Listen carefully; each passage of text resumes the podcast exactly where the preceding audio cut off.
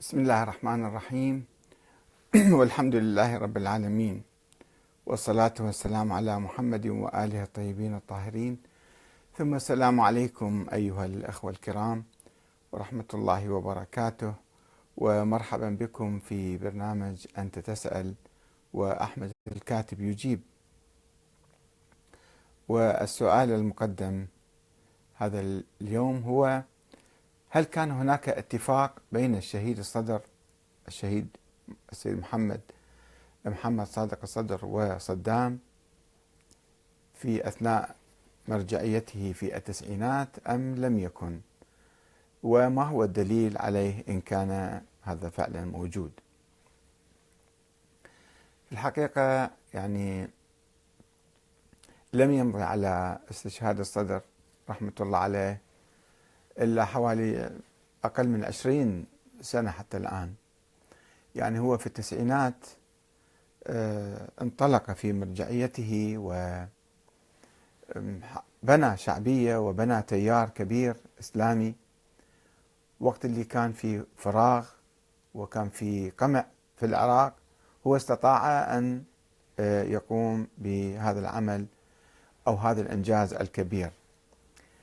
وأنا قلت في حديث سابق بأن الشهيد الصدر اتفق مع صدام في أن يعمل لمرجعيته. ويبدو هذا الكلام أغضب بعد بعض مريديه وما أعرف هل هم كانوا في ذيك الأيام موجودين أو شباب جدد يعني. فالبعض طبعا انفعل كثير وصار يعلق يعني تعليقات آه، عنصرية وتعليقات يعني بدون حدود. آه، وطبعا الحب الزايد أو العبادة الزايدة للأشخاص تدفع الناس إلى التفكير الغير السليم غير الموضوعي. وإذا أردنا أن نبحث شيئا حدثا أمرا تاريخيا لابد أن نبحثه بموضوعية وبأدب واحترام بدون تجني بدون تضخيم وبدون تسقيط. أنا قلت اتفاق ولم أقل تعاون ولم أقل أن السيد الصدر رحمة الله عليه كان عميلا لا سمح الله أو كان مثلا تابعا لصدام. بالعكس هو استشهد بالنهاية. وهذا دليل على آه، يعني إيمانه وتقواه وورعه. هناك كلمة للشهيد الصدر يقول أرادوني أن أن أكون جسرا لهم. فاتخذتهم جسرا لي. يعني هم رادوا صدام حسين يعني راد يستفيد من عندي فأنا استفدت من صدام. وهذه كلمة فعلا في موقعها. أما مسألة قبل ما أدخل في وأقرأ لكم النص اللي قرأته اللي هو بضعة سطور وأيضا نعقب عليه بعدين. آه، إحنا عندنا عندما نريد نقرأ تاريخ أئمة أهل البيت من الإمام علي إلى الإمام العسكري عليهم السلام. البعض يقرأ هذا التاريخ كما يحب هو كما يريد كما مثلا عنده نظرية معينة وعلى أساس هاي النظرية يقرأ التاريخ ويعيد كتابته من جديد حتى يرتاح هو.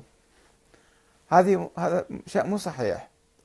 الإمام علي عليه السلام بايع أبا بكر وعمر وعثمان رضي الله عنهم أم لم يبايع؟ البعض يقول لا لا لا أبدا شلون الإمام علي بايع؟ أبو بكر وعمر وعثمان ما يجوز ما يصير أبدا. طيب مو كان تاريخ يثبت هذا الشيء؟ يقول لك ها إذا بايع فإذا بايع مجبر مضطر ويختلق له قصص. وجروه من أعمامته وأخذوه وقالوا له هددوه بالقتل هذا. سلم بن قيس الهلالي مثلا الكتاب اللي طلع بالقرن الرابع الهجري. يتحدث عن هالقصة هذه أنه بالإكراه والتهديد أجبر الإمام علي البيعه وهذا مو صحيح. عندما نقرأ التاريخ بصورة موضوعية نشوف مو صحيح. طيب الإمام علي بعد ما أصبح خليفة رفض أن يعين معاوية والي على الشام. وقال ما كنت متخذ المظلين عضدا. ودخل وياه حرب. بعدين معاوية قدم عدة اقتراحات. أنه أنا أكون خليفة بعدك. أو نص نص البلاد إلي نصها إلك. الإمام رفض هذا الشيء. الإمام الحسن إجا. الظروف تغيرت.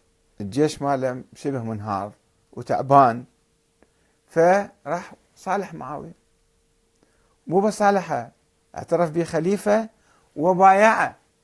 وطلب من كل الشيعة أن يجوا يبايعوا معاوية. الإمام الحسن والحسين بايعا معاوية. إلى أن مات. وعندما توفي الإمام الحسن